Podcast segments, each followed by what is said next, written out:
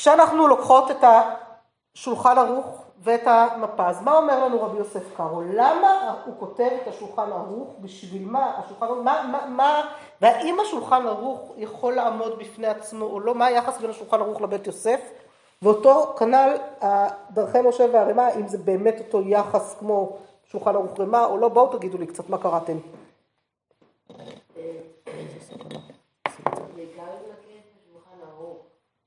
מה זה? כאילו,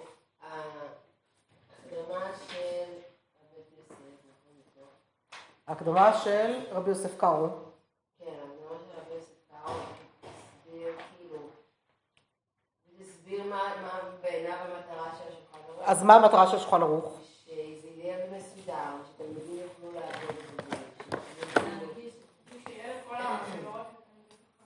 יפה, כלומר הבית יוסף בעצם, המטרה שלו לפי זה, מה היחס בין בית יוסף לשולחן ערוך, בסדר? אותו כלל אני רוצה דרכי משה והגהות הרי מהמפה, בסדר? נקרא לזה המפה. מה היחס ביניהם? הבית יוסף, מה, מה הוא עושה? קודם כל בואו בוא נאתחל את עוד רגע אחד, נעשה חזרה, נוודא. הבית יוסף הוא פירוש לספר הטור. קודם כל הוא פירוש, בסדר? זה פירוש וזה ספר, נכון? הבית יוסף פירוש לטור, בסדר? וזה ספר עצמאי בעצם, נכון? ספר עצמאי שיש לו קשר חזק מאוד לכאן. אבל הוא עדיין ספר עצמאי, בסדר?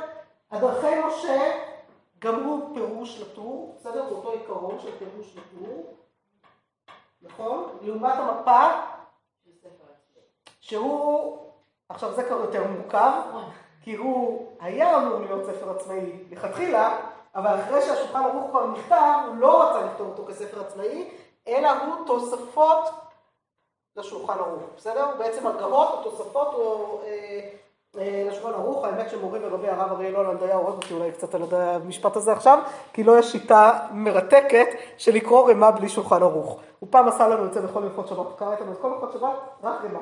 זה היה, זה היה כאילו רמו, כמו שהוא קורא לזה, זה היה, זה, זה, זה משוגע, בסדר? זה לא, לא עושים דברים כאלה בדרך כלל, בדרך כלל אמורים לקרוא את ההגות של הרמה עם השולחן ערוך, כי, כי אחרת יוצאים לנו חצאי משפטים שלך תבין מה הוא רוצה, כאילו מה, מה הוא התחיל להגיד, היתרון של השיטה שלו בהקשר הזה היה באמת לפענח רק את שיטת הרימה, בסדר? להגיע רק לשיטת הרימה, בלי להיות קודם כל מקובל במה ששולחן ערוך אמר. זה מעניין מה, מה שהוא עשה שם, אבל זה באמת פרויקט קצת משוגע ולא לא, לא לומדים ככה הלכה בדרך כלל, בסדר? לכן באמת בדרך כלל לומדים הלכה, לא לומדים את הרימה, בלי השולחן ערוך. בסדר? קוראים שולחן ערוך ואז קוראים את הרימה, את מה שהוא הוסיף עליו. הרב מוסי שריש, גנב את המפה? כאילו... הוא לא גנב, זה להפך, הוא הוסיף אותה. לא, אבל זה ספר המקורי. אני לא יודעת אם אפילו היה לו ספר מקורי. דרכי משה הוא לא גנז. דרכי משה באמת יצא לנו קצר וארוך. עכשיו, הדפיסו, בדרך כלל מדפיסים על הספר עצמו את הדרכי משה הקצר, בסדר? כי זה, זה המטרה שלו, זה, אבל הדרכי משה הארוך נשאר לנו, והוא נדפס כספר עצמאי, או לפעמים יש ספרים שכן מוסיפים אותו גם, אה, את הארוך גם במקומות אחרים, אבל יש לנו, יש לנו את הדרכי משה הארוך, הוא לא, הוא לא לגמרי העלים אותו, בסדר? ואפשר ללמוד אותו כספר עצמאי, והוא בהחלט מעניין. אה, כפירוש לטור כמובן, לא ספר עצמאי אלא כפירוש לטור, כפירוש לטור שהוא פירוש בפני עצמו, אבל באמת, אה, אבל הרמה בעצמו מבחינתו השאיר את הדרכי משה הקצר על השולחן ערוך, על הטור, סליחה. אה, בגלל שכבר היה בבית יוסף, הוא לא רצה לחזור ממש על אותו דבר, ומאותו רגע שהוא הפסיק, הוא הפסיק, אבל יש לנו גם את החלק שהוא התחיל בו. אה, אז אמרנו, קודם כל אמרנו, בסדר, אז זה פירוש נתון לעומת ספר עצמאי, אבל הוא יכול היה לכתוב את השולחן ערוך בלי הבית יוסף מבחינתו, או את המפה בלי דרכי משה? לא, למה לא? כי מה היחס ביניהם? וזה נורא נורא חשוב להגיד. הוא כאילו פשוט מי זה הוא? מי לוקח לך? דברי בשמות שנבין? להביא מה שאני צריך לפקח את זה לבני אשכנז, מסייג את הדברים, אבל זה כן לפי הסדר של כולם לפי הסדר של הטור. קודם כל, כולם לפי הסדר של הטור, זה דבר ראשון. מי שהצליח באמת בגדול לשים קנון, לשים כאילו טקסט שהתקבל, זה קודם כל הטור. רבי יעקב בן הראש זכה בגדול בזה שהוא חילק לארבעה טורים. ומזה יצאו ארבעה חלקי שולחן ערוך, זה סיפור שכתבו עליהם, הוא פשוט עשה סדר כל כך כל כך מוצלח, שהתקבל, בסדר? ועליהם נכתבו. אבל, ולמדנו בשבוע שעבר גם למה דווקא עליו ולא על, לא על, על הרמב"ם, נכון? זה היה בהקדמה של השולחן של הבית יוסף. אבל מה שאני מנסה בעצם לדייק פה, זה שרבי יוסף קארו לא ראה את הערך של הספר שולחן ערוך אם לא היה קיים קודם הבית יוסף. הוא קודם כל כתב את הבית יוסף. כי הבית יוסף מבחינתו זה המקום של בית המדרש, זה המקום של הבירור, של הדיוק, של הדיון, של ההכרעה להלכה, להבין איך בכלל מגיעים להכרעת הלכה, בסדר? בשולחן ערוך הוא מתמצת את זה, הוא דוקר את זה, בסדר? דוקר את הנקודה ואומר, אוקיי, עכשיו אחרי שראינו את כל המהלך, מישהו צריך לדעת בסוף מה לעשות. ואנשים לא יכולים לקרוא את כל הבית יוסף, זה ארוך מדי, נכון? למדנים, תלמידי חכמים, מי שלומד במבחני רבנות, לא מתחיל בלי ללמוד בית יוסף, בסדר? אבל לא, אבל, אבל לא ידעו מה לעשות. אומר, פשוטי העם, הקהל הרחב, הציבור הרחב, שרוצה לדעת הלכה למעשה, מותר לאכול חלב אחרי בשר, כמה זמן צריך לחכות בין חלב לבשר? בין בשר לחלב, מה, מה, מה עושים? נקרא את כל הבית יוסף, לא נצא מזה. אז צריך משהו שיכריע הלכה בסוף. ואז הוא מכריע. איך הוא מכריע? הוא כבר בבית יוסף מכריע, הוא בעצם כבר בבית יוסף מתחיל ללכת לכיוון של ההכרעה, אבל נותן את ההכרעה בשולחן ערוך, איך הוא מכריע? מה, מה שיטת הפסיקה של, של, שלו בשולחן ערוך? ריף, רמב"ם, ראש, שלושת עמודי פסיקה, יפה, שניים נגד אחד, מצוין. ואם אין, אז אה, יש כמה כללי פסיקה נוספים, זה לא עובד במאה אחוז עד הסוף, אבל זה בגדול. למה הרי מה הוסיף את מה שהוא הוסיף? מה הוא אמר? אז אמרתי יפה קודם, כי הוא חסרים לו פוסקי אשכנז, והוא רואה שבכלל, סליחה, באשכנז בכלל לא פסקו הלכה בצורה כזאת, מאיפה הוא החליט שאלו עמודי פסיקה שהולכים לפיהם, הם בכלל ספרדים כולם, חוץ מהראש היה אשכנזי שעבר לספרד, מה... למה? למה שהם אלה שיכריעו לנו הלכה, כשאנחנו כל הדורות נהגנו אחרת? לפי מי אנחנו הולכים, ופה זה אלה שרציתי שתגיעו, רק עוד דבר אחד על השולחן ערוך לפני כן, אז אמרנו, צריך שיהיה הלכה למעשה, זה המטרה של השולחן ערוך, הלכה למעשה זה דבר אחד, ודבר שני, וזה דבר מאוד מאוד מאוד חשוב שהוא גם הדגיש אותו, הנושא של שינון. הוא אומר, חילקתי את הספר לשלושים חלקים, כך שאפשר כל יום ללמוד חלק אחד מתוך שלושים החלקים, ובחודש לעבור על כולו, ועם כל חודש תעבור על כולו, במשך כל החודשים, אתה פשוט תדע אותו בעל פה ותדע הלכה. עכשיו תזכרו, כשהוא דיבר על השולחן ערוך, הוא דיבר על השולחן ערוך, על מה שהוא כתב. בלי רמה, ובטח בלי כל מה שיש על הדף מסביב. בסדר? על זה הוא לא דיבר, הוא דיבר על השולחן ערוך לבד. בסדר? זה אפשרי. אבל ברגע שאנחנו היום לומדים, קשה מאוד ללמוד רק שולחן ערוך לבד, בסדר? קודם כל לומדים שולחן ערוך רמה ביחד, אז כבר זה הכפיל את עצמו פחות או יותר. מי זה השרי והסמ"ק והסמ"ק? מה זה? או, מעולה.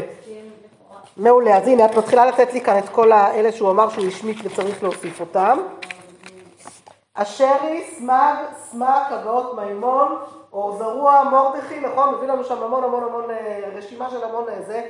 כולם ראשונים, שהייתי מאוד מאוד מאוד שמחה שנסכים אותם בשיעור הזה, אבל מפאת קוצר הזמן, בסוף שנה שמתקרב, לא יכולתי להיכנס לכל אחד ואחד מהם, אני מציעה לכם ממש אה, להיכנס וללמוד, בסדר? זה, זה חשוב.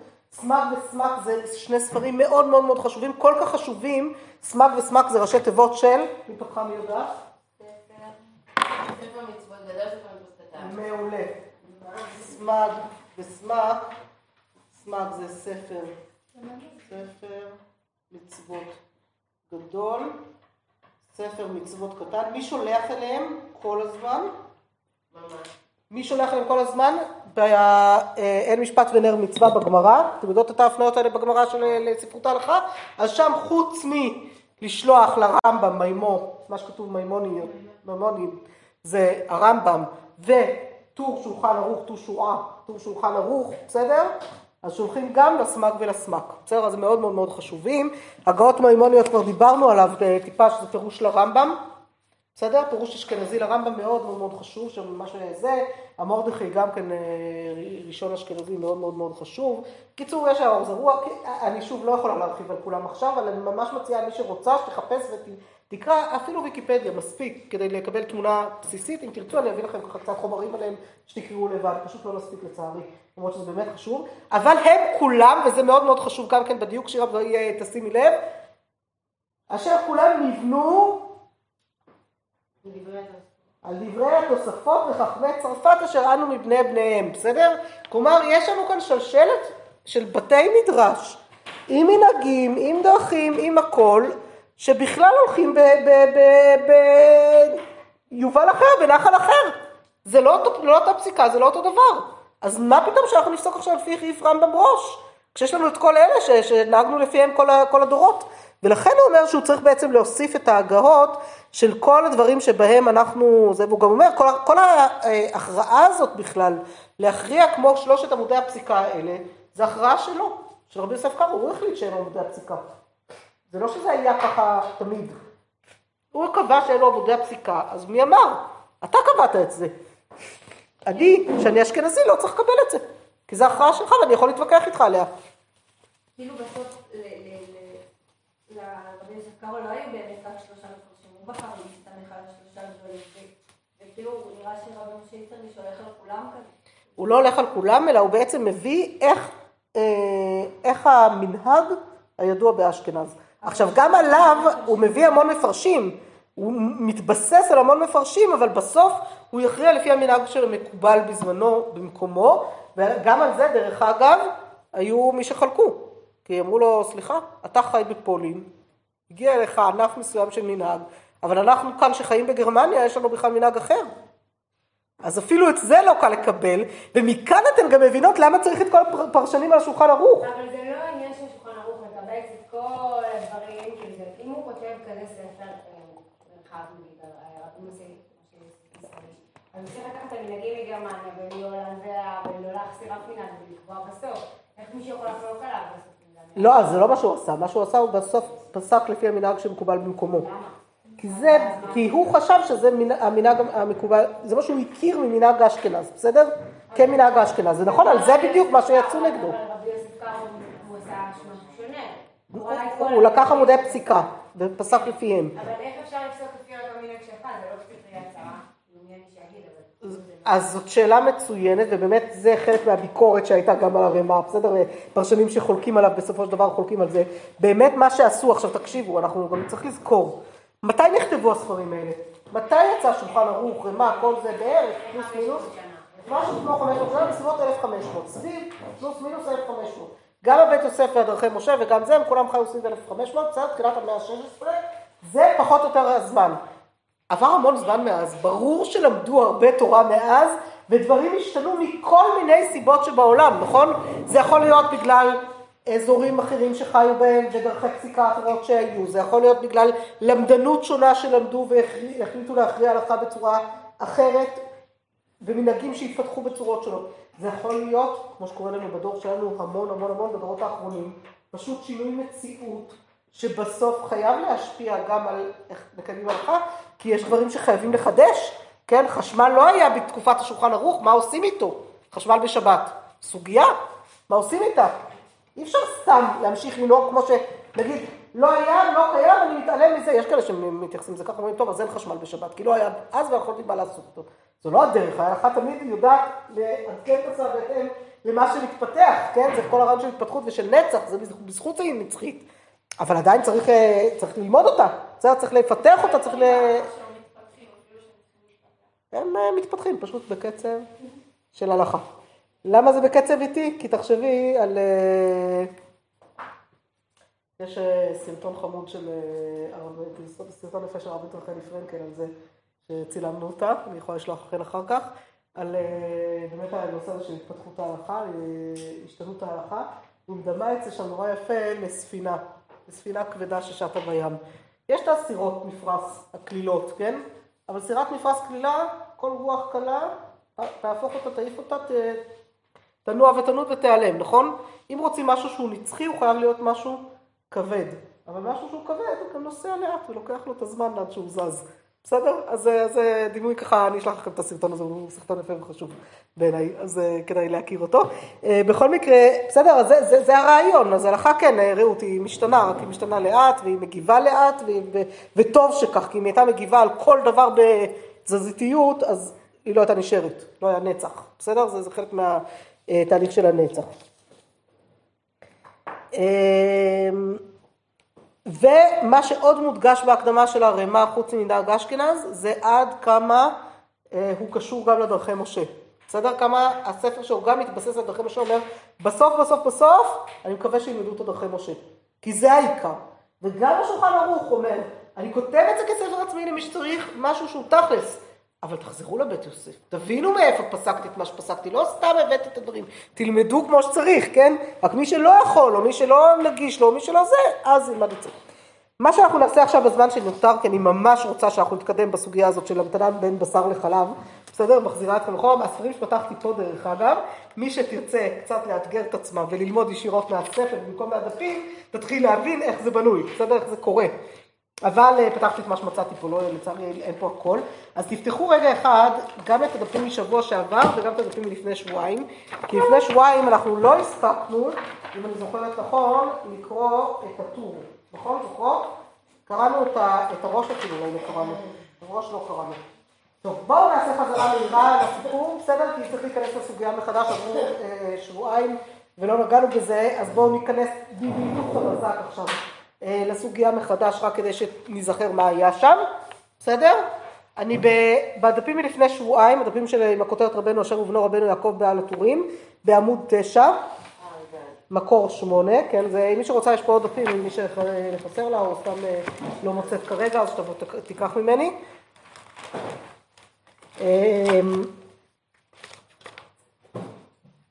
לא עשיתי פה, הנה יש פה. אז ככה, אמרנו שהגמרא במסכת חולין אומרת, אמר רב חיסדא אכל בשר אסור לאכול גבינה, גבינה מותר לאכול בשר. ואז שואל אותו, שואל אותו רב אחא בר יוסף את רב חיסדא, בשר שבין שיניים, מהו? קרי עליה בשר עודנו בין שיניהם. בסדר? כלומר זה עדיין נחשב בשר כל עוד זה בין השיניים. ואז אמר מר עוקבא, מעיד על עצמו, אנא לה מילתא, אני לדבר הזה שאסור לאכול אה, גבינה אחרי בשר, חלה בר חמא לגבי אבא, אני כמו חומץ בניין לעומת אבא שלי, ואילו אבא כי אבא אכיל ביסרא, ביסרא אידלה, לא אבא אכל גבינה עד למחר הדשתא, כלומר היה מחכה 24 שעות מעת לעת, ואילו אבא בהא סעודת הרובי לא אכילה, לסעודת האחרית אכילה. זה לסעודה אחרת אני כבר אוכל בזה, זה רק באותה סעודה אני מקפיד לא לאכול גבינה אחרי בשר. בסדר? וראינו את התוספות, תוספות מאוד מאוד מאוד חשוב, לסעודה אחרית האכילה, לא בסעודת אשר גילי לעשות אחת שחרית ואחת ערבית, אלא אפילו לאלתר, אם סילק השולחן וברך, מותר דלא פלוג רבנן. חכמים לא חילקו בין מה נקרא סעודה מסעודה לסעודה, מבחינת חכמים ההגדרה של סעודה אחרת, זה אומר סילוק שולחן, כלומר להחליף את המפה, בסדר? להחליף מפה, לפרוס, אה, לערוך שולחן חדש. אז ברגע שערכתי שולחן חדש, אפילו אם זה מיד, אפילו לאלתר, אם בירכתי ברכת המזון וסילקתי את השולחן הקודם, אני יכול לעבור לסעודה הבאה ולאכול סעודה אחת בשרית ולאכול מיד אחריה סעודה חלבית. זה מה שאומר התוספות. ראינו את הריב שהוסיף לנו את העניין של היי שיעורה, וגם שאי אפשר לסמוך, זה כאן, בואי סליחה, אה, וגם שאי אפשר לסמוך על, אה, ושאי אפשר לסמוך על אה, סילוק, על, על מר עוקווה, שאמר סעודת האחריתה, כי הוא אמר אני חומץ בן יין. אז אתה רוצה לסמוך על חומץ בן יין? לא מוצלח, נכון? ולכן הרמב"ם פוסק, מי שאכל בשר בתחילה בין בשר בירה ובין בשר עוף, לא יאכל אחריו חלב עד שיהיה בין, אה, ביניהן כדי שיעור סעודה אחרת, והוא כמו שש שעות. הרמב"ם מכניס לנו זמן, כמו שש שעות. לפני הבשר של בין השיניים שאינו שר בקינוח, ושאלה אותי אז בצדק שירה, שאלתי את זה אז, נכון? של, אז למה היום כשיש לנו מדרשת שיניים אנחנו לא יכולות פשוט לצחצח שיניים ולאכול מיד חלב. שאלה מצוינת, אני מקווה שתקבלי עליה תשובה תכף היום, בסדר? אם נספיק, נשתדל להספיק. הראש, רבנו אשר, מאוד מאוד ארוך, אני לא אקרא את כולו עכשיו, כי הוא מסכם ככה את הסוגיה בצורה אה, אה, מאוד ארוכה, על כל הנושא גם של קינוח, מה זה קינוח, אה, קינוח כלומר אה, קינוח ידיים, שטיפת ידיים בין זה לזה, אבל אה, בואו נגיע אליו רק אה, בסוף קצת, זה חשוב כל הסוגיה של קינוח, אבל ממש לא אספיק להיכנס אליה עכשיו. אה, אמר רב חיסדא, תראו ממש בסוף של הראש, ב... זה נמצא כאן בערך שורה, לא יודעת, אה, עשירית או משהו כזה, בערך לא ספרתי בדיוק, אבל פחות או יותר, וקצת לפני סוף המקור, קצת לפני מקור 14. אתם רואות, אמר רב חיסדא, המילה הראשונה בשורה זה וירקי. בסדר? אמר רב חיסדא, אכל בשר אסור לאכול גבינה, גבינה מותר לאכול בשר. אמר לרב אחא ברי דרב יוסף לרב חיסדא, בשר של בין השיניים מהו? כלומר, מי הווה כמעוקל כיוון דמשתהה כל כך עד זמן סעודה אחרינה ואין צריך להסירו? קרא עלי הבשר עודנו בין שיניהם. על מה כל זמן שהוא בין השיניים שם בשר עליו ואסור לאכול גבינה עד שיסירו משם. אז קודם כל אומר לנו הראש, תשימו לב, מתוך הדברים של רב חיסטה אנחנו לומדים שאפילו אם עבר זמן מסעודה לסעודה, כל עוד הבשר אני ממש מוציאה חתיכות של בשר מבין השיניים, הוא נקרא בשר, ועדיין צריך להסיר משם לפני שאוכלים חלב. אמר מר עוקבא, אנא להעמיד את החלה בר חמא, ואילו אבא כי אבא אכיל ביסרא, העיד נלה ואכיל גבינה עד למחר כי השתא, ואנא בהאי סעודת הלא אכילה וסעודת אחרית האכילה, פירוש בזמנה שרגיל אדם לסעוד, דהיינו מזמן סעודת הבוקר עד זמן סעודת הערב. ופחות משיעור זה אין לאכול גבינה אחר בשר, דלא אשכחן מן דשרי אף דהי שיעורה, אלא מר עוקבא, וקקה מנפשי חלה חמרה. כלומר, מה אומר לנו הראש פה?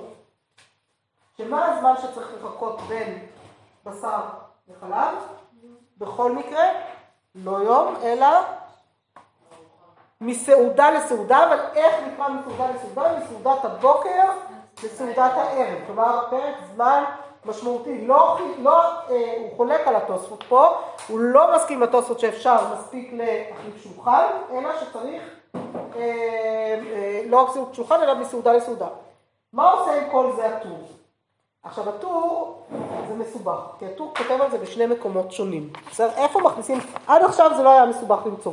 למה זה לא היה מסובך למצוא? כי הראש כותב על הגמרא, אז היינו בגמרא בחולין, התוספות גם כותבים על הגמרא, אז היינו בגמרא בחולין. הרמב"ם בהלכות מאכלות אסורות, בתוך אה, הלכות כשרות מכניס את זה.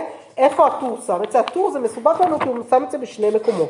הוא שם את זה גם בהלכות בשר וחלב וגם בהלכות בציעת הפת, סעודה וברכת המזון. למה הבאתי לכם את שניהם? כי הבית יוסף כשהוא מפרש, הוא בוחר לפרש רק על אחד המקומות. אם תסתכלו רגע אחד, עכשיו אנחנו נקפוץ שניונת, אה, תראו רגע אחד, אתם לא, לא לקפוץ, אני לא אשגע אתכם בדפים יותר מדי, תראו רגע אחד בטור בהלכות נשיאת הפת, סעודה וברכת המזון, הוא מביא את הנושא של מים אמצעיים. מה זה מים אמצעיים רשות? אנחנו נקראות מים ראשונים, מים אחרונים, נכון? זה מים ראשונים מים? תעת ידיים, לפני המוציא, בסדר? זה כולנו מכירות. מים אחרונים מים, מה שהרוב לא נוהגים, זה היה לשטוף קצת את הידיים לפני ברכת המזון, נכון? בגלל המלח, מלח סדומית שהיה להם פעם, ולכן אנחנו היום באשכנזים לא מחמירים בזה, כי אין לנו מלח סדומית, אז פחות מחמירים בזה. ספרדים כן גם אנשים כאילו? אני חושבת שגם חלק מה... לא, יש נשים שכאלה, כל אחת לפי המנהג, כן. אז זה משהו יותר מנהג. למה זה מנהג? בגלל שעוד פעם, היום כשאין מלח סדומית, בעצם הטעם בטל, השאלה אם בטלה תקנה או לא, בסדר? הוא צריך. מלח סדומית זה מלח מאוד מאוד מאוד חריף ומסוכן, שהחשש היה שכל עוד אוכלים אז, לא, אז זה בסדר, זה תוך כדי אכילה, אבל לא נוגעים בו בידיים וזה מלח שאם את מכניסה בטעות את היד לעין, אה, כשאת נוגעת בו זה סכנה לעין. אז אמרו, תשטפי את היד לפני ברכת המזון, כי ברכת המזון הידיים עסקניות, יכולות להגיע למקומות אחרים, שנשים לב שסילקנו את הסכנה. זה בעצם בא מטעם סכנה. בכל מקרה, ומה הם אמצעים? מה זה מה אמצעים? רשות. אמר רב נחמן לא שנה אלא בין תבשיל לתבשיל, בין תבשיל לגבינה חובה. תבשיל הכוונה פירוש בין תבשיל לתבשיל, כלומר תבשיל של בשר, בסדר? ולגבינה. כלומר, מה הם אה, אמצעים? זה בעצם מה שכל הסוגיה של קינוח שדילגתי איתכם עליה קודם בראש, כי זה פשוט ארוך מדי, בסדר? אבל זה הרעיון של, אה, יש עניין של ליטול ידיים או לקנח את הידיים בין גבינה לבשר, בין בשר לגבינה, כמו שראינו, יש גם עניין של המתנה, של סילוק סעודה ממש, של סעודה אחרת שצריך להיות. אבל בעיקרון מים אמצעים מאפשרים לנו לעבור מגבינה לבשר. בסדר, אם אכלתי חלב ואני רוצה עכשיו לאכול אה, בשר, אז צריך לשטוף את הפה ולקנח את הפה ולקנח את הידיים, לשטוף את הידיים כדי שלא יהיו שאריות של חלב על הידיים בזמן שאני אוכלת את הבשר וזה לא ייגע אחד בשני. בסדר? אבל זה מחלב לבשר או לבשר לחלב? אז זה כל הדיון פה, האם זה בין חלב לבשר או בין בשר לחלב ומה עם דגים וכולי, בסדר, יש כאן כל, את כל הדיון הארוך שהוא מביא פה. אה, והוא מביא את כל הדיון האם צריך קינוח ונטילה, או רק קינוח, או רק זה, בסדר, אם צריך מה אמצעים או לא בתוך כל הסיפור הזה. ואז הוא אומר ככה, ותראו באמצע, וכתב אדוני אבי הראש ז"ל, אתם רואות באמצע? ולא נגעו העולם כן, אלא נוהגים שלא לאכול גבינה אחר הבשר, אפילו בשר עוף, ואין לשנות המנהג. תלקח, אין לאכול גבינה אחר הבשר עד שישהה כשיעור מזמן סעודת הבוקר עד זמן סעודת הערב. ואם יש בשר בין השיניים, צריך להסירו, ובשר אחר גבינה מותר מיד על ידי קינוח והדחת פיו ונטילת ידיים. ואם הוא יום ורואה שידיו נקיות, אין צריך נטילה. והקינוח הוא שלעוס פת לקנח בפיו יפה. או בכל דבר חוץ מקמחא בשר, משום אה, אה, קמח שעורים, מפני שהוא רך ונדבק בשיניים, וטוב, לא ניכנס לזה, בסדר? אז מה הוא אומר פה בעצם? לסוגיה שלנו שהמתנה בין בשר לחלב, לא בין חלב לבשר. בין חלב לבשר הוא אומר אין שום בעיה, רק תדאג שהידיים שלך נקיות, שאין לך חלב על הידיים, תסתכל טוב על הידיים, תראה שהן נקיות, או שתשטוף אותן, ותקנח את הפה, תאכל איזה חתיכת לחם, או תשתה מים, יין, משהו שישטוף את הפה, ואתה יכול, יכול לעבור ישר לזהו. יש מי שנוהגים להמתין חצי שעה ביום. בסדר, אבל זה, זה מנהג, זה לא משהו שחייבים אותו. אה, כשנכנסתי למשפחה של אה, האיש שלי, אז שם באמת הם נוהגים חצי שעה. ואני באתי מבית שלא נהגו את זה, טוב, היה בית צמחוני, גם בכלל לא כל כך אכלו בשר, אבל כשכבר אכלו בשר, פעם לא נהגנו לחכות, אלא באמת אה, נהגנו בקינוח של הפה וזהו, ואני זוכרת את עצמי כמה, הם אוכלים סעודה שלישית בשרית בשבת. זוכרת את כמה מהשינה, ורק רוצה קפה קודם כל, אז אני שונה קפה, ואחרי רגע אנחנו יושבים לסעודה בשרית, כאילו, יכולתי כזה להסתכל עליי, מה את עושה? אני בסדר, אני שוטף את הפה, והכל בסדר, לא קורה כלום. היא כאילו לא הבינה מה בדיוק נזכר, כי הם היו רגילים לעניין של חצי שעה. אה, בסדר, האמת שגם קפה בכלל זה לא בעיה, כאילו לא נשאר גם, ב... לא נשאר ממנו כלום, כאילו, יכול תוגת גבינה, אולי יחד עם הקפה זה קרה אולי קצת יותר אה, שאלה. אני צריך פשוט לנקות את הפה, ברגע שאני אוכל למוציא, טול ידיים אוכל למוציא, כבר אה, אין בעיה, בסדר? אבל אני חוזרת לנושא של ההמתנה בין בשר לחלב. אז מה אומר לנו הטור, איך הוא פוסק? פה? כמו אבא שלו. סעודת הבוקר עד סעודת הערב, כמו אבא שלו מביא את הראש, בסדר? אבל הטור כתב את זה בעוד מקום, גם בהמתנה בין בשר לחלב בסימן פט. תסתכלו רגע אחד מקור חמש בדפים של אה, שבוע שעבר, לא בדפים לפני שבועיים, סליחה על הבלאגן, פשוט אה, בניתי את השיעור ככה בהדרגה, ועכשיו אנחנו כבר מגיעות לשולחן ערוך עוד רגע, אז אספתי את הטור כאן, איך שהוא יצא ככה, כי כאן אה, אבא לכם משה עליו.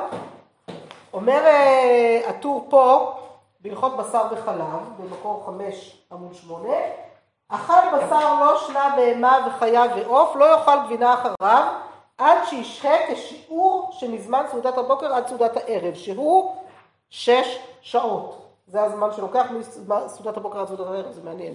ואפילו אם שהה כשיעור, אם יש בשר שבין השיניים, צריך להסירו. ובתוך הזמן, אפילו אין בשר שבין השיניים, אסור, זה השירה בשבילך, לפי שהבשר מוציא שומן, הוא מושך טעם עד זמן ארוך. ולפי זה הטעם, אם לא אכלו אלא שלעשו לתינוק, אין צריך להמתין, וכיוון שלא אכלו, לא מוציא טעם. כלומר, מה הוא אומר? הוא אומר, גם העיכול של הבשר עדיין מוציא טעם בשר בתוך המעיים, ולכן צריך עדיין להיזהר בזה, אבל גם, ולכן צריך עדיין לחכות את השש שעות, אפילו אם הסרתי את כל מה שיש לי בשיניים, אבל גם אם חיכיתי שש שעות, אבל עדיין יש לי בשר בין השיניים, לא יכול לאכול חלב עד שאני אסיר את הבשר שבין השיניים. כל האיסור בכלל לא לאכול את זה ככה, לא משנה שבמעיים שלי, אז זה שומן. אז זה מה שהוא טוען, הוא טוען שיש גם וגם, בסדר? ולכן הוא אומר, אבל אם לעסת רק בשביל האם... זה חלק מהסיפור של הטור, שהוא לא כותב אלא הוא מביא דעות ראשונים, אז הנה תראי עכשיו, ואז הוא אומר, והרמב"ם נתן טעם לשהייה משום בשר שבין השיניים, ולפי דבריו של הרמב"ם, לאחר ששהה כשהוא מותר, אפילו נשאר בשר בין השיניים. והלוס לתינוק צריך להמתין. ואז הוא אומר, וטוב לאחוז בחומרי בית הטעמים. טוב להיזהר משני הטעמים, גם מהטעם שהראש, אבא שלו נתן, וגם הטעם של הרמב"ם, ולכן הוא אומר להחזיק את שתי החומרות, גם לחכות שש שעות וגם להסיר את הבשר בין השיניים. בסדר? בכל מקרה לחכות שש שעות, להסיר את הבשר. אם ההלכה זה השתלשלות, וכל אחד פוסק, לא יכול לחדש, אז מה הביא את מה הקשר לעיכול עכשיו? לא... כי אחרת למה אבא של, איך קוראים לו, מראו כבר חיכה יממה שלמה? רק בגלל שלא הייתה לו שיניים, כי סמי שיניים היו להם. יש לנו עדויות מתקופת המשנה. שפחתו של רבי, שעלתה ומצאה עצם חוצץ בין שיניה ויכלה להסיר אותו עם כיסם, בסדר? יש לנו, יש לנו דעות על כיסם שאדם לוקח כדי לחצוץ בו שיניו. זה דווקא דבר שהיה קיים בתקופת המשנה. בסדר, היו לוקחים קיסמים ועושים קיסמים דקים כאלה ומכינים אותם בדיוק בשביל זה. קיסמי שיניים זה דבר מאוד עתיק. חוט דנטלי כנראה קצת פחות, אבל קיסמי שיניים כן.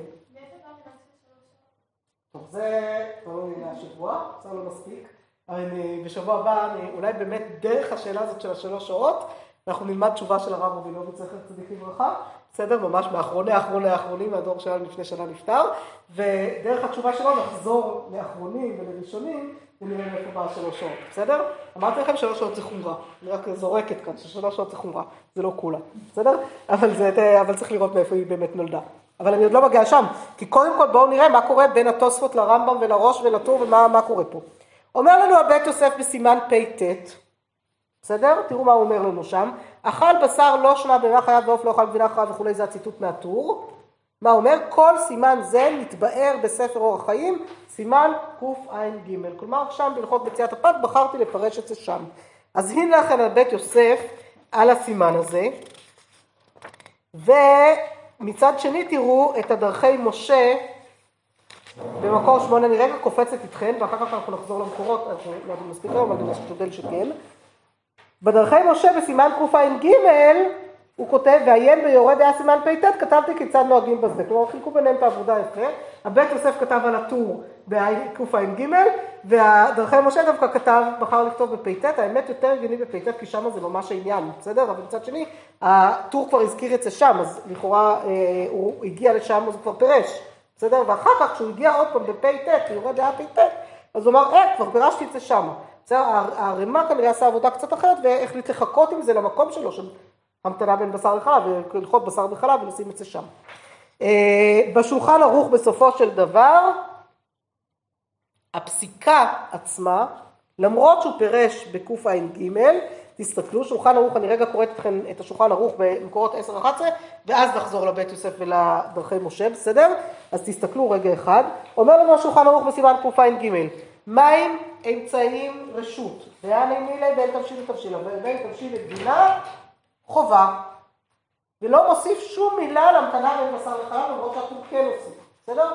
הוא אומר, זה לא המקום של זה פה. אז אין לי עניין להתייחס לזה כאן. מישהו אחר כך הוסיף בסוגריים, ביורד דעה סימן פ"ט. תשים לב שיש כאן עוד איזה כוכבית כזאת שצריך לשים לב אליה. אבל זה נמצא, המקום שזה ביורד דעה סימן פ"ט. הדברים מובנים או שהם אה, כאילו לגמרי באוויר? אתם עוקבות? כי אתם צריכות לעקוב אחרי המהלך של הספרים? כי, כי מה שאני בעיקר רוצה שתראו כאן זה את המהלך של הספרים, איך הספרים נבנים ואת המורכבות שלהם, בסדר?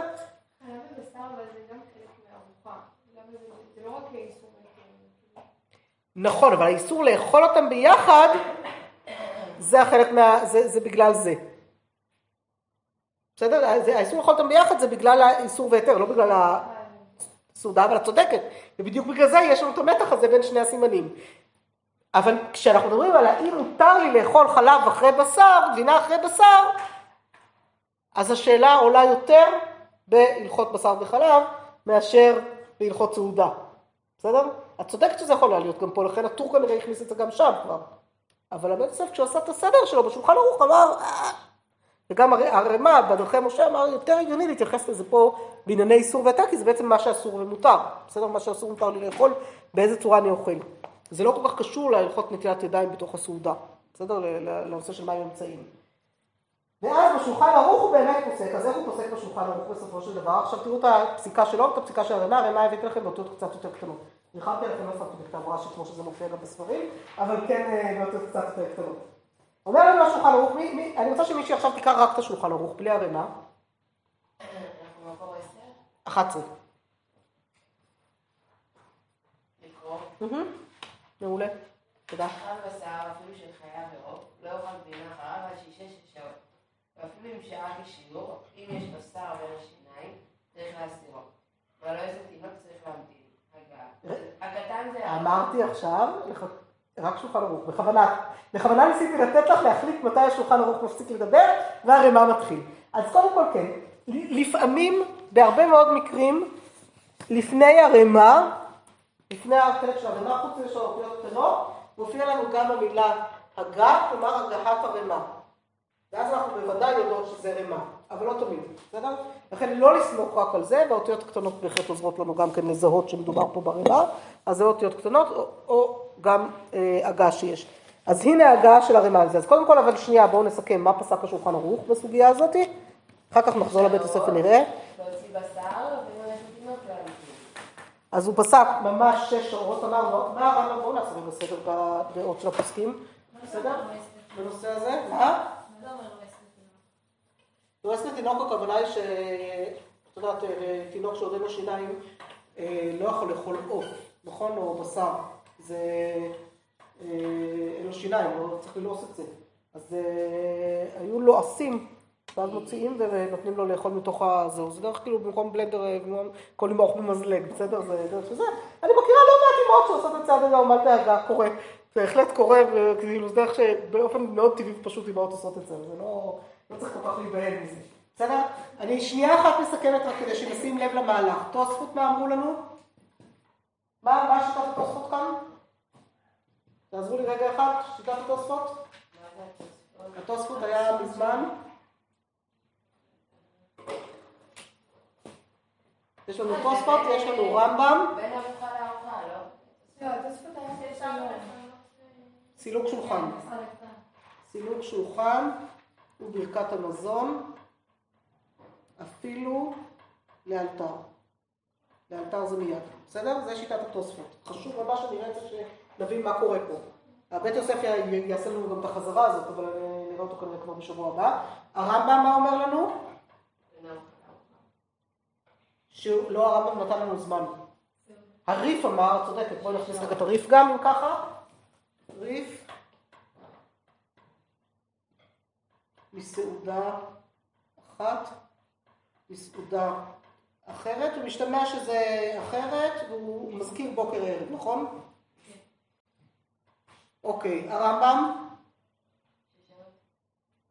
כמו שש שעות, הוא כמו הריף, הריף, פלוס כמו שש שעות, כלומר הוא מגדיר לנו זמן, ומה עוד דבר חשוב ברמב"ם? שהטעם שלו זה הבשר. הבשר בין שיניהם. כלומר, שבעצם על פי הרמב"ם יוצא שהלועס לתינוק לא צריך להמתין, נכון?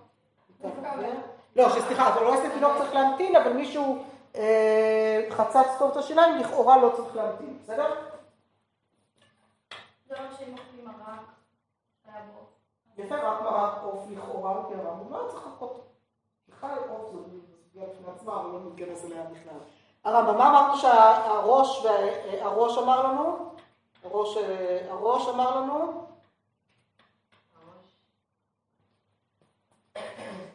הוא גם דיבר על הזמן של סעודה לסעודה ממש, ראינו לו כמו שש שעות, כשש שעות, נכון? וגם אמר לנו טעם אחר, לא רק את הטעם הזה, אלא לא, את הטעם, לא רק את הטעם של הרמב"ם, אלא הטעם שלו היה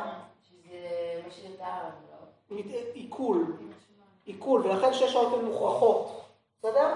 הרו- הטור, שתי החומרות, שני הטעמים, בסדר?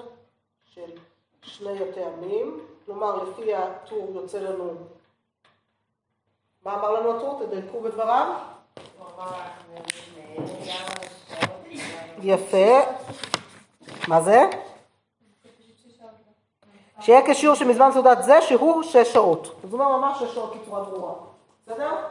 כלומר, שש שעות, וגם מי ש... שש שעות, וגם מי ש... אה, זה, וגם מי שאכל, אה, נכון? וגם מי שלעס לתינוק צריך לחכות, אה, צריך לחכות. בסדר? רבנית, זה באמת מוכח שזמן עיכול זה שש שעות? מה זה? שבאמת זה מוכח שזמן עיכול זה שש שעות? שזמן עדכון זה שש שעות, שאלה טובה. בדרך כלל רואה 24 שעות יותר. דווקא אבא של מרוק כבר הכי צדק בהקשר הזה. אם אנחנו הולכים לפי זה. מה פוסק לנו השולחן ערוך? רגע, למה לפי הטור? כי הוא אומר להחזיק את שתי החומרות של שני הטעמים, גם עיכול וגם בין שניהם. אז אבל תינוק צריך לחכות מטעם הבשר שבין שיניהם, ומצד שני, מי שחצץ את השיניים עדיין צריך לחכות מהטעם של העיכול. אבל אם? נגיד מישהו טעם וירק, או נגיד אכל מרק שהיה- שהיה בעוף, או אכל משהו תבשיל שהיה בבשר זה סוגיה בפני עצמה, בסדר? אבל סוגיה בפני עצמה, לכתחילה אנחנו כן מחכים הרי. אבל זו סוגיה אחרת, זה נכון, אתה צודק, האם העיכול שלהם, תבשיל שהיה בבשר, בלי הבשר עצמו, האם הוא אותו עיכול או לא, זו כבר שאלה אחרת. זה דיון בפני עצמו. שולחן ערוך מה פסק עכשיו, מה שקראנו בשולחן ערוך מה פסק, אני רוצה שנקרא אותו רמה רק, כדי שנראה מה ההבדל הגדול. שש שעות. יפה, שש שעות. וזה בקיצור פסק כמו הטור. נכון? השולחן פסק בצורה מפורשת כמו הטור, תשימו לב שהוא לא פסק כמו הרמב"ם את הכמו שש שעות. הרמב"ם אמר לנו כמו שש שעות, והוא אומר שש שעות ממש, בסדר? מה ההבדל ביניהם? מי שאומר כמו שש שעות יכול לפרש בדעת הרמב"ם עד שעה שישית, כלומר חמש וקצת, בסדר? הרבה מאוד אה, נוהגים ככה, זה נכון. מה אומר לנו הרמ"א? הרמ"א מאיר על כאן, מה הוא מאיר? ואם מצא אחר כך בשר שבין השיניים ומסירו, צריך להדיח פיו קודם שיאכל גבינה. אז קודם כל להתייחס לבשר שבין השיניים, שאתה צריך, גם אם עברו שש שעות, צריך עדיין לשים לב שאין בשר בין השיניים, בסדר? ויש אומרים, ואין צריכים להמתין שש שעות. רק מיד אם סילק וברך ברכת המזון, מותר על ידי קינוח והדחה. והוא מביא פה רשימה, או שהוסיפו לו רשימה, של מקורות. מי זה תוספות? ומרדכי פרק כ"ה, והגאות השרי, והגאות מימוניות, פרק ט', מאכלות אסורות, ורעביה. בסדר? חתיכת רשימה מכובדת מאוד של ראשונים שהלכו בעקבות התוספות, אז אנחנו יכולות להוסיף עכשיו לתוספות גם את ה... הלכו בשיטתם מרדכי, בסדר? נכון? מי יש לנו פה? אני עוד שנייה מסיימת. השירי, אשרי, יופי, הגאות מימוניות, תוכלו לראשי תיבות האלה גם, רביה. ורעביה. בסדר? עוד ארבעה פוסקים אשכנזים מאוד מאוד מאוד חשובים, שמה הם אמרו? שמספיק להדיח, אה, שמספיק אה, לסלק שולחן ולברך ברכת המזון, נכון? וקינוח ונטילה. זהו, כתובה חדשה. והמנהג הפשוט במדינות אלו, מה המנהג המקובל באשכנז? וזה משהו שעוד לא היה לנו כמובן שם מקום לכתוב אותו, תכף נראה איפה אותו על הלוח. המנהג הפשוט במדינות אלו, להמתין אחר אכילת הבשר שעה אחת, ואוכלים אחר כך גבינה. מכירות את המנהג של שעה? הולנדים. אז זה לא רק הולנדים, זה המנהג הפשוט שהיה באשכנז. לא נשמע? מי הוא? צריכים לברך גם כן ברכת המזון אחר הבשר, דאז הווה כסעודה אחרת, דמותר לאכול את דברי המקילים. והוא אומר שכל זה על פי אה, הארוך והגהות שערי דורה, שזה עוד שני אשכנזים, בסדר? אה, הארוך זה איסור ויתר הארוך, בסדר? ספר שנקרא איסור ויתר הארוך, והגהות שערי דורה, שני אשכנזים. אבל בלא ברכת המזון לא מענה המתנת שעה. ואין חילוק אם ניתן לשעה קודם ברכת המזון או אחר כך, לא משנה מתי המתנת את השעה, העיקר ששמת לב גם שבירכת ברכת המזון. וזה מי שכאן מגיע את הרמ"א אומר דברי עצמו ממהרי ולהפיקי איסור והתר של האיסור והתר הארוך, בסדר? אה, ממהרי זה תרומת הדשן. כלומר זה עוד ועוד אשכנזים שדנו בשאלות האלה, האם חייבים את השעה לחכות אחרי ברכת המזון דווקא או גם לפני ברכת המזון. אבל כבר קיבלנו פה משהו אחר לגמרי, המנהג הפשוט באשכנז אומר הרמ"א, בסדר? אז הנה הרמ"א. נוסיף אותו כאן כי סליחה שיצא קצת לא, זה יותר מדי דעות כבר. מה אומר לנו הרמ"א? המנהג באשכנז, קודם כל הוא מביא את דעת התוספות, בסדר? שבכלל שאלה על פעם. אחר כך הוא אומר, אחרי דעת התוספות, הוא אומר שהמנהג שעה. ואז הוא דן האם זה חייב להיות לפני ברכת המזון או אחרי ברכת המזון השעה הזאת שמחכים, בסדר? ואם מצא בשר בין שיניו אחר השעה צריך לקרוא ולהסירו, בסדר? שזה גם הגיוני אה, זה, דברי עצמו משמעות הר"ן שהובא קודם. ויש אומרים ואין לברך ברכת המזון על מנת לאכול גבינה, אבל אין נזהרים בזה, כן מברכים ברכת המזון כדי להביא קינוח חלבי, בסדר? כלומר מברכים ברכת המזון, יוצאים לסיבוב של שעה או אה, מקשקשים עוד שעה ליד השולחן ואז מביאים גלידה שמנת טובה, בסדר? מה? זה ארוך בשם הערך, הוא מביא, מקורות לכל דבר, יש לו לא, מקורות לכל דבר. מה? נו, אמרו שזה מסעודה לסעודה, אם אתה לא מברך ברכת המזון, זה לא משנה. לא, אז הוא אמר, אין לברך ברכת המזון, יש אומרים, אין לברך ברכת, על מנת לאכול גבינה, כלומר, אל תעשה את זה בשביל לאכול גבינה.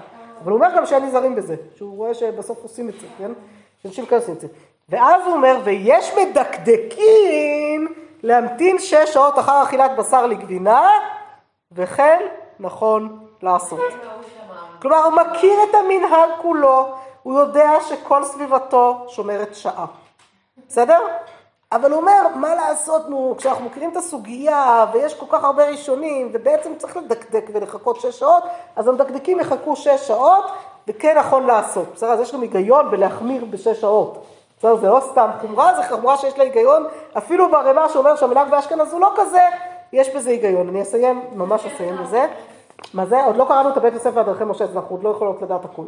בסדר? אנחנו צריכות עוד לחזור לקרוא את הדרכי משה ואת הבית יוסף כדי להבין מה הלך פה, לקבל סיכום, וזה מה שנעשה בפעם הבאה, נתחיל מהבית יוסף והדרכי משה, אחר כך נעבור לתשובה של הרב רבינוביץ' כדי להבין מאיפה הגיע השלוש שעות, ודרך זה נפגוש עוד כמה אחרונים. אז קצת מתחיל להכיר אחרונים דרך זה. בכלל, איך ללמד אחרונים, אני לא יודעת מאיפה להתחיל בכלל, כן? כי זה כל כך הרבה, שזה חתיכת אה, סרט בפני עצמו, אז נחשוב מה עושים עם זה. ואני מזכירה לכם להביא לי באמת, אה, מה זה? להביא אה, אה, שאלות שמעסיקות אתכם, שנוכל להתחיל לברר איך אנחנו מבררות